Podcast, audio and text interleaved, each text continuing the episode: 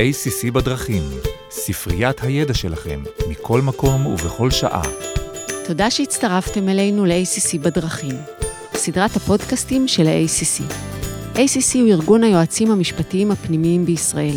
ACC בדרכים היא מיני אוניברסיטה של תכנים שנגישה לכם מכל מקום ובכל שעה.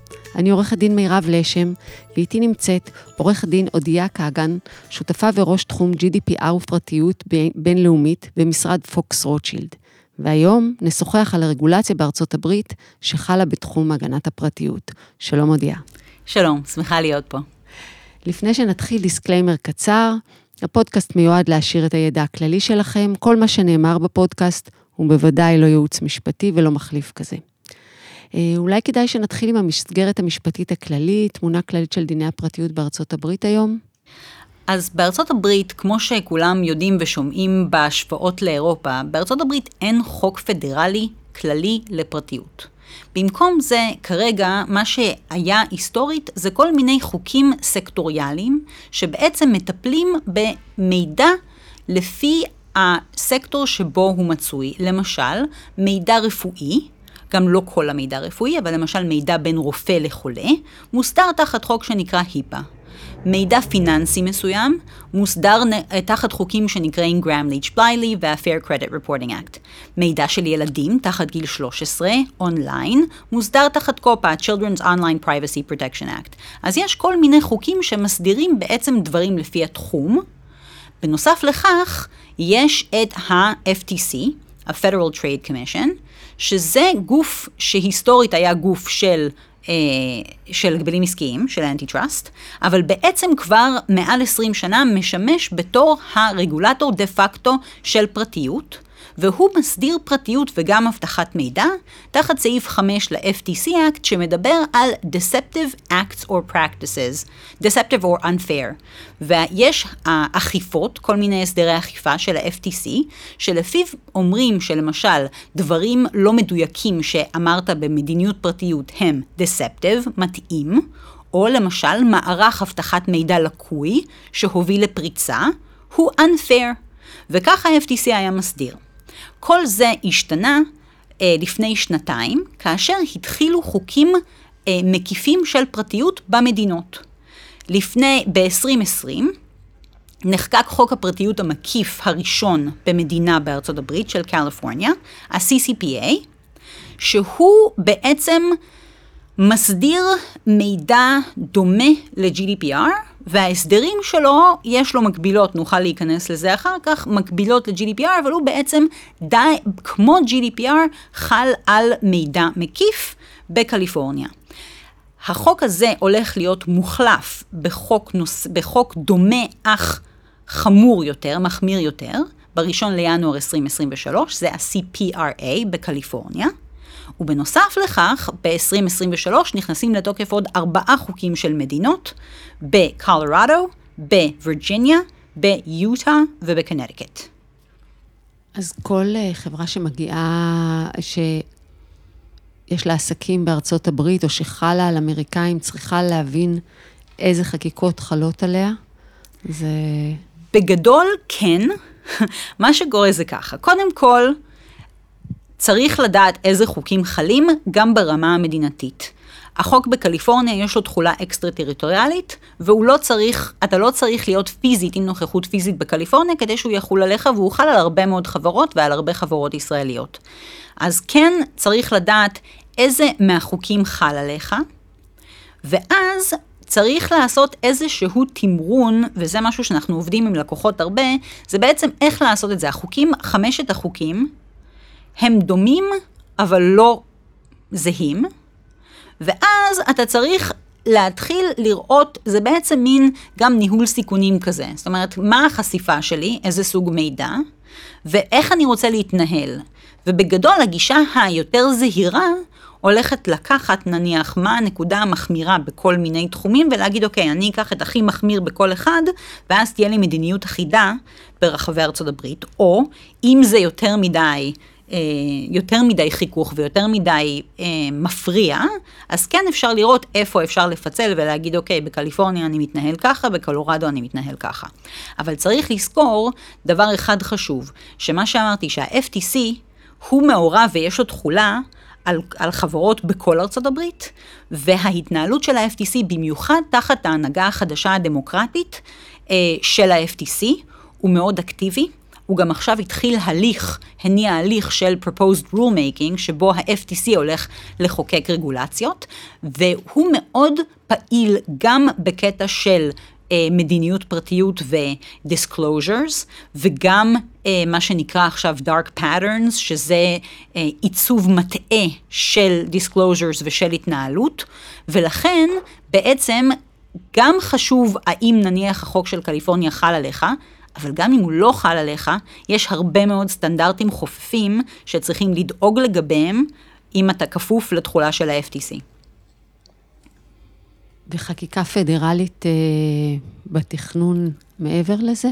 אז אנחנו אה, הכי קרובים לחקיקה פדרלית של פרטיות שהיינו אי פעם, אבל זה עדיין כזה כמו משה רבנו, אנחנו לא יודעים אם נגיע לארץ המובטחת נשארים תקועים ולא נגיע. יש את ה-ADPPA, שזה הצעת חוק פדרלית של חוק אה, פרטיות מקיף, שמה שמיוחד בה היא הצעת חוק בתמיכה של שתי המפלגות, גם הדמוקרטית וגם הרפובליקנית, שזה הבדל גדול, כי עד עכשיו היו כל מיני הצעות חוק שהיו מצד אחד, ולכן לא היה להם סיכוי. ההצעה הזאת היא מה שנקרא three corners, זאת אומרת שחסר תמיכה של עוד מישהו, שזה מריה קנטוול, אה, כדי שזה יתקדם. החוק הזה, נכתב עליו הרבה, הוא חוק שמאוד גם ב...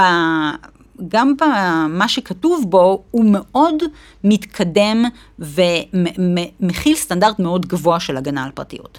הבעיה היא שכדי להגיע, מה שהפריע ומנע אה, חוק פדורלי בארצות הברית עד עכשיו, היו כמה דברים שאגב, אף אחד מהם לא קשורים למה שנקרא ה Fair Information Privacy Principle. זאת אומרת, חילוקי הדעות לא היו לגבי פרטיות עצמה, אלא לגבי דברים כמו, א', האם הולכת להיות זכות תביעה, מה שנקרא private right of action. זאת אומרת, האם אדם פרטי יכול להגיש תביעה בגין הפרת פרטיות. צד אחד אומר לא, צד אחד אומר כן, זו הייתה נקודת מחלוקת קשה שהפילה, למשל את החוק בוושינגטון סטייט, לא הצליח לעבור כמה פעמים רק בגלל שכן הייתה private right of action. הגיעו לפשרה ב-ADPPA, בהצעת חוק הזאת, שאומרת שאחרי תקופה של תקופת צינון, שהתחילה בארבע שנים והגיעה, לש... שהתחילה בשנתיים והגיעה לארבע שנים, אחרי ארבע שנים אפשר יהיה להגיש תביעות. אז בהתחלה לא, אחר כך כן, עשו פשרה. נקודת מחלוקת שנייה הייתה preemption. האם החוק הפדרלי הולך להיות רצפה או תקרה לגבי אכיפה. בארצות הברית בחקיקה יש את שני המודלים. האם החוקים של המדינות יוכלו להיות מחמירים יותר או לא? פה זו הייתה נקודה קריטית, וכרגע העמדה של החוק היא שכן יהיה preemption, זאת אומרת החוקים לא יוכלו להיות יותר מחמירים, פרט לחריגים מסוימים. זה מתקיל את קליפורניה. בדיוק, וזאת הסיבה, אגב, שאגב, אני רק אגיד מה נקודת המחלוקת השלישית, אבל זה באמת, את עלית פה על, ה, על המוקש שבינתיים מפיל את החוק. נקודת המחלוקת השלישית הייתה אכיפה. מי הולך לאכוף את החוק? האם תהיה רשות מסודרת? האם זה יהיה ה-FTC? אם זה יהיה ה-FTC, האם צריך לתת לו עוד סמכויות, לתת לו עוד תקציב? הגיעו לאיזושהי פשרה בקטע הזה, אבל מי שדואג, אומר ה-FTC, אין לו מספיק תקציב, אין לו מספיק אנשים, האכיפה לא תהיה אמיתית וכולי. הנקודה שכרגע ההצעת חוק הזאתי אה, מקרטעת ולא הגיעה לחקיקה, היא בגלל שהרשות בקליפורניה והנציגים של קליפורניה בקונגרס מתנגדים לזה שהחוק הזה, לפריאמפשן. למה? יש להם, לפי החוק החדש, ה-CPRA, יש להם רשות אכיפה, יש להם DPA כמו באירופה. יש את ה-CPPA, שאגב לפני יומיים נבחרה ל-Global Privacy Assembly. היא תהיה הנציגה השנייה המצביעה של ארה"ב יחד עם ה-FTC ועם כל ה-Supervisory Authorities של המדינות השונות בעולם. אז יש להם את ה-CPPA, יש להם חוק, יש להם את כל המערך הזה, יש להם חוק שאגב, מה שמיוחד בו, ה-CPRA, שהוא בעצם חוק משוריין. CPRA נחקק בהליך מאוד מיוחד בקליפורניה שנקרא Ballot Initiative.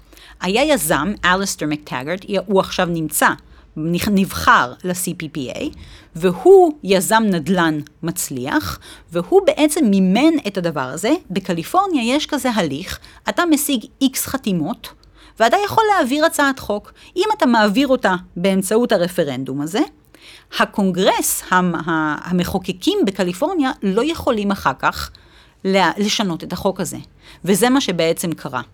אז עכשיו ה-CPRA הוא חוק שכרגע יש רף מסוים, שהוא יותר מחמיר, ולא ניתן להפוך אותו לפחות מחמיר. ומה שקליפורניה אומרים, תקשיבו, לנו יש חוק, החוק שלנו מגן יותר, החוק שלנו משוריין, והנה יבוא חוק פדרלי, הוא יותר חלש, הוא יוכל להיות מוחלש עוד יותר, אנחנו לא מעוניינים. ועכשיו יש דיונים לראות איך אפשר בכל זאת לדבר על הנקודות מחלוקת ואיכשהו להעביר את זה, משום שברור שחוק פדרלי ישפר את המצב, אם לא של כל 50 המדינות, לפחות של נניח 47, והדיון הזה הופך להיות יותר דחוף אחרי פסק הדין של דובס, שעבר בבית המשפט העליון, לגבי נושא ההעפלה. כל נושא של מידע רגיש, גם רפואי וגם פוריות וגם מיקום, הפך להיות מאוד רגיש, מתוך ההבנה שפה עכשיו יש באמת אה, תוצאות אמיתיות, סכנה אמיתית, לפחות במדינות שבהן זה לא חוקי. מצד שני, אין הגנות מספיקות למידע, והמידע יכול להיות משומש נגדך. ולכן כי הדבר הזה עכשיו, זה מתחיל להיות יותר דחוף, ויכול להיות שזה יהיה התנופה שתוביל איכשהו לסגור את המחלוקות האלה. כי רק אה, אפליקציות של מיקום אה, יכולות אה, לז... לזהות בחורה שהלכה לעשות הפלה במדינה שמותר. ויש עכשיו הליך לזה. יש, קודם כל, החקיק, גם ה-FTC, וגם החקיקות החדשות, גם ב-CPRA, גם בחוק של קולורדו, יש התייחסות ספציפית למידע רגיש, כאשר מיקום מדויק בחלק מהחוקים נחשב למידע רגיש, מיקום מדויק שמשליך על אה, מידע רפואי נחשב מידע רגיש, ה-FTC נתן כבר הצהרה ואמר, תקשיבו, מידע של מיקום מדויק זה מידע שמאוד חשוב לנו, אנחנו הולכים לבדוק את זה, אנחנו הולכים לאכוף את זה, וכרגע יש גם הליך אכיפה שהגיע של תביעה של ה-FTC נגד דאטה ברוקר, שנקרא כוכבה, שנוגע למידע רפואי של מיקום. הם קראו לזה מידע רגיש, והמחלוקת הולכת להיות, אוקיי, אבל מה זה מידע רגיש, והאם ה-FTC יש לו סמכות לעשות את זה. אז עכשיו יש לזה דיון, וה-FTC כבר פנה לכל מיני דאטה ברוקרים, ואפילו גוגל אמרה שהם הולכים למחוק מהתוצאות של ה... מה... מהמידע שהם אוספים בגוגל מפס, דברים שיכולים להשליך על נניח אה, קליניקות של הפלות וכאלה. בעייתי, כי ברגע שאתה לא מוחק את זה אה, בלי מחשבה, הרי את צריכה לזהות קודם כל את המקומות אה, שעושים הפלות, ואז למחוק דאטה לגביהם. אוקיי. אה, אנחנו הולכים לשם בכל מקרה. אני מבינה, יש עוד נקודה אחת סתם מחשבה שעלתה לי בראש, אני חושבת שקליפורניה לא תוותר על הנציג שלה ועל זה שיש לה רשות משלה. אז, אה, אז פה היא קיבלה... שטח משוחרר לא מוחזר. אז זהו, אז את זה פה כבר, גם ה-ADPPA כבר עבר הליכים של תיקון תוך כדי, ואחד התיקונים, בהתחלה היה רשום שהאכיפה תתבצע על ידי ה-FTC וה-Attorneys General של המדינות. זאת אומרת, לא תביעה פרטית, אלא ה-Attorneys General, ובעקבות הפניות או האמירות של קליפורניה, כתבו במפורש שבקליפורניה ה-CPPA, הרשות שלהם תהיה זאת שאוכפת, אז כן נתנו וגם עשו עוד כל מיני דברים, היו, יש חריגים לפריאמפשן, אז אחד מהם זה ה-CPPA, אחד מהם זה זכויות של עובדים. תחת החוק הקליפורני החדש, לעובדים יש זכויות כמו לקונסומרס, שעד עכשיו לא היה ובאף אחד מהחוקים האחרים אין. ב-GDPR יש? ב-GDPR יש. ובקליפורניה יש, וזה מוחרג. זאת אומרת, אם יהיה חוק פדרלי, החוק לא ימנע את זכויות העובדים בקליפורניה, יש עוד כל מיני חריגים, למשל חלק מהחוקים הביומטריים, חוקים של ילדים, אז הגיעו כבר, גם היו חריגים, הייתה רשימת חריגים, רשימת החריגים הוגדלה עוד יותר בעקבות הדיבור עם קליפורניה, אבל עדיין לא הגיעו לעמק השווה. שאלה מאוד uh, פרקטית. חברות uh, שעומדות בכללים של ה-GDPR, יש להם uh, uh, עוד דרך, כברת דרך לעשות כדי לעמוד בסטנדרטים של uh, החקיקה שעוד לא עברה ושל החקיקה הקליפורנית החדשה? חד משמעית כן. והסיבה היא כפולה. קודם כל, הסיבה הרגילה זה שגם, אני, כאילו, צר לי להגיד את זה, כן? אבל גם מי שחושב שהוא compliant uh, לגמרי עם GDPR, זה יש תמיד עוד עבודה לעשות. זה דבר אחד. דבר שני, מי ש compliant ב-GDPR, לפחות מהניסיון שלי, כאשר אין צורך, כל המערך של ה compliance ל-GDPR לא הוחל גם על המידע בארצות הברית, משום שאף פעם לא היה צורך. אז לכן, קודם כל, צריכים לעשות את כל המהלך בארצות הברית. את ההטמעה.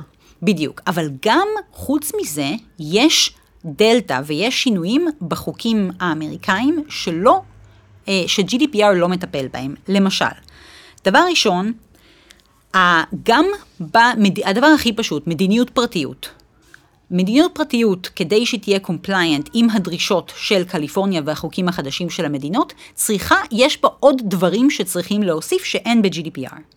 בנוסף, לפי החוקים של קליפורניה, יש עוד אה, מדיניויות פרטיות שצריכים לעשות שלא מחויבות ב-GDPR, שנקראות Notice at Collection, Notice of Opt-out, Notice of Financial Incentive. אז יש לך גם לשנות את המדיניות פרטיות הרגילה, גם להוסיף עוד מדיניות פרטיות.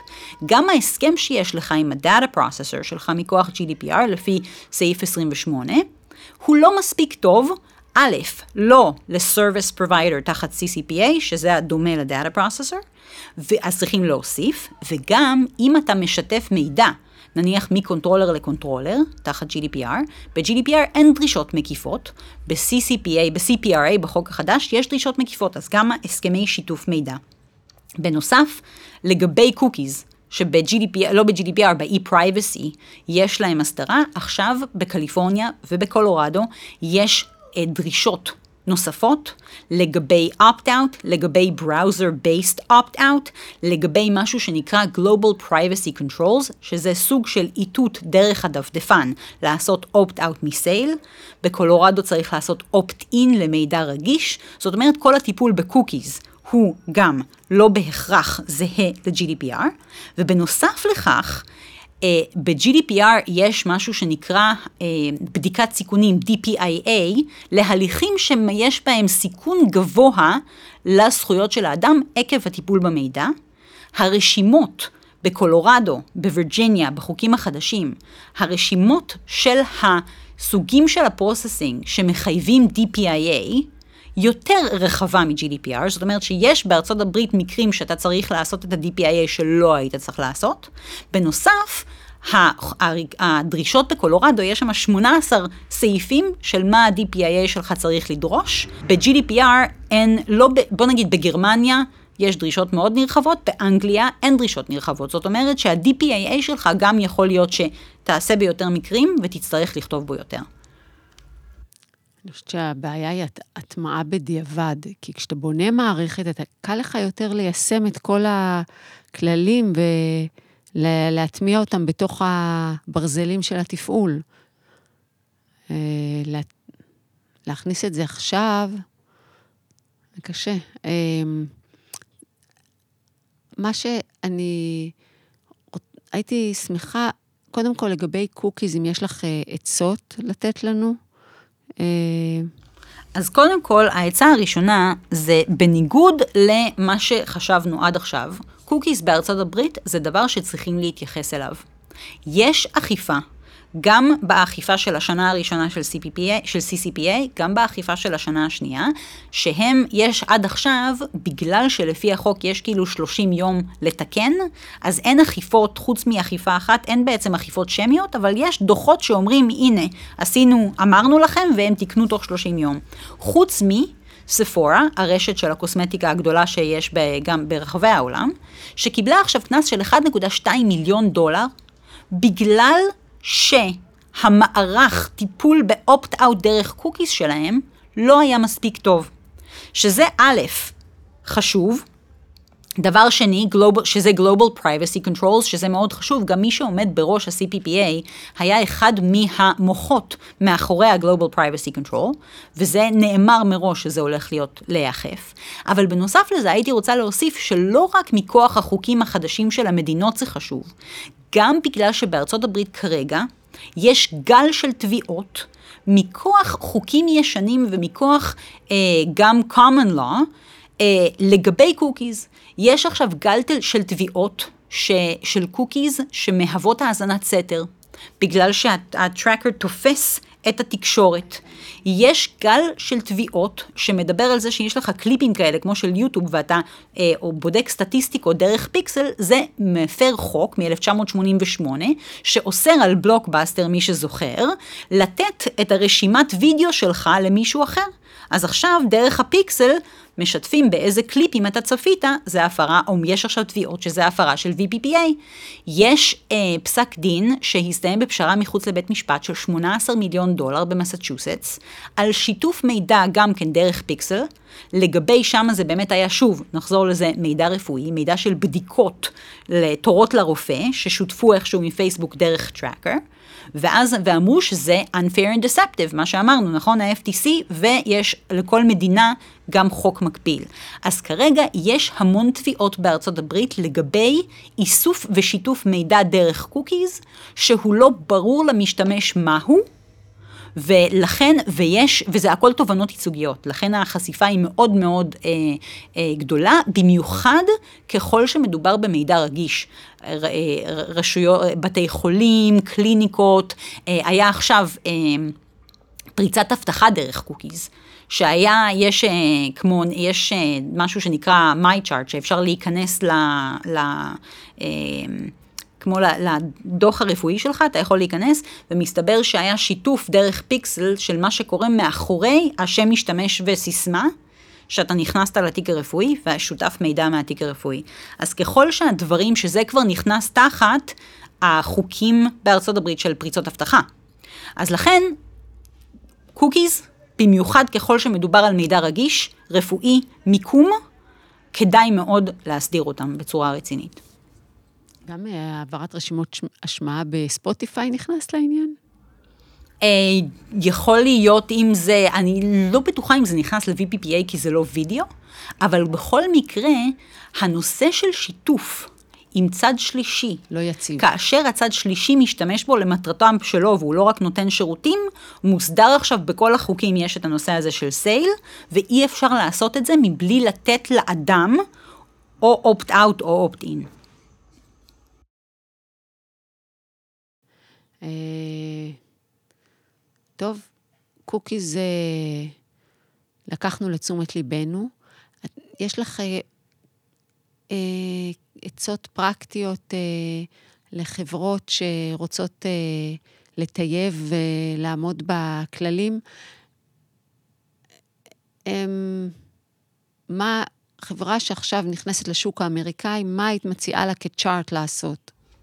אני חושבת שדבר ראשון צריך, וזה כאילו עצה בנאלית אבל הכרחית, אתה חייב לדעת מה המידע שאתה מטפל בו, ופה מדובר גם על מידע שאתה אוסף באופן מפורש, גם כשאתה אוסף אוטומטית דרך קוקיז, גם כשאתה אוסף מידע ביומטרי, יש עכשיו מלא תביעות לגבי מידע ביומטרי גם, אז קודם כל להבין בגדול, להבין את איסוף המידע, השימוש בו והמטרות. בארצות הברית צריכים עכשיו לעשות Data Minimization, כמו ב-GDPR, צריכים לעשות Purpose Limitation, כלומר שימוש רק במטרות מוצהרות או משהו שהאדם צופה. ולא משהו אחר. שזה מאוד הגיוני, שני הכללים האלה הם מאוד נכונים. גם הזכות להישכח וגם תאסוף את זה רק למטרה, ולא כמו באמוק, באופן גורף. זה מאוד הגיוני, אבל זה משהו שהוא Game. Changer בארצות הברית, משום שעד עכשיו הוא לא היה. עד עכשיו בעצם זה כמו אני חושב משמע אני קיים, אני עושה, עושה עסקים משמע אני קיים, וגם אני נותן לכם איזשהו privacy notice, ויופי, סיימנו. עכשיו צריכים לעשות את זה כמו GDPR, זה דבר אחד שהוא מאוד גדול, ודבר שני, צריכים להבין את שיתופי המידע. האם שיתוף המידע הוא עם נותן שירותים? האם שיתוף המידע הוא יכול להיות סייל וצריכים לתת לו אופט-אאוט? מה שאני הייתי עושה, הייתי א', באמת בודקת את זה בנפרד הברית. לא הייתי מניחה שאם עשיתי GDPR או עשיתי compliance בישראל זה מספיק. ודבר שני, הייתי מתעדפת את זה, ובעצם הייתי מתעדפת את זה על ציר כאילו תלת-ממדי. התלת-ממדי הוא מימד אחד, ככל שהמידע יותר רגיש, הוא יותר דחוף. מידע רפואי, מידע של מיקום, מידע ביומטרי, מידע של עובדים. דבר שני, ככל שהמידע יותר consumer facing, יותר חיצוני, הייתי מתעדפת. למשל, המדיניות פרטיות שבאתר יותר דחופה מאשר לתקן את ההסכמים עם הספקי שירותים. והציר השלישי, ככל שזה מצריך יותר עבודה בתוך החברה לטפל בזה, גם הייתי מתעדפת. כי למשל, CPRA, כמו GDPR, מחייב למשל מחיקת מידע כאשר לא צריך אותו יותר. מישהו צריך לעבור ולראות האם יש לכם כזה דבר, מה הזמנים, מי הזמנים, כל הדברים שמצריך עבודה רבה על ידי החברה, גם לתעדף, משום שזה לוקח זמן. כל כמה זמן, צריכים, זה צריך להיות בנוהל, שכל כמה זמן אתה בודק אה, אם המידע שאתה מחזיק עוד רלוונטי. זה... אה, אני חושבת שהעצה שנתתי היא מאוד מאוד אה, הגיונית וטובה, כי ככל שזה ככה, ככל שזה רותח, שזה חם ורגיש, ת, אתה גם צריך לשכוח אותו יותר מהר וגם אה, אה, לשמור, להגן ולהעיף אותו ממך כמה שיותר מהר, כשאתה לא צריך אותו יותר. צריך לבנות את המדיניות של הכללים. כן. להסתכל מה המידע, לראות עד, עד כמה זמן צריך, נחו, הוא נחוץ, ולוודא שמוחקים הזמן. וזה גם מכוח החוק החדש בקליפורניה והחוקים האחרים, אבל גם יש אכיפה של ה-FTC עכשיו, גם לגבי איסוף יותר מדי מידע, וגם לגבי אי מחיקת מידע במועד. אז כבר יש גם אכיפה של ה-FTC, וזה מה שאמרתי בהתחלה. לא רק חשוב אם זה קליפורניה או המדינות האחרות, בכל מדינה בארצות הברית שאתה פעיל, ה-FTC יכול לגשת אליך.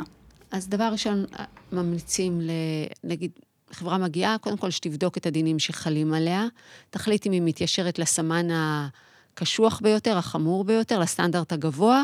אם זה קשה לה מדי, אז שתלך ספציפית. אה, ואז קודם כל למפות לפי הצירים את, אה, את הפעילויות ואת המידע, ולהטמיע. ו- וחוזר, ומה שאומרים בארצות הברית, rinse and repeat, ולהמשיך לעשות את זה, משום. שזה לא, זה, זה לא ספרינט, זה מרתון. גם החוקים משתנים, וגם התהליכים משתנים. נכון. זאת אומרת, כשמישהו אומר לך שהוא compliant, אז זה לא, זה, זה, זה, זה כמו, זה, אתה compliant באותו רגע, ושתי דקות אחרי זה, אם לא המשכת, אז אתה כבר לא. נכון. אוקיי, okay, and may the force be with us. תודה רבה, אודיה. תודה רבה.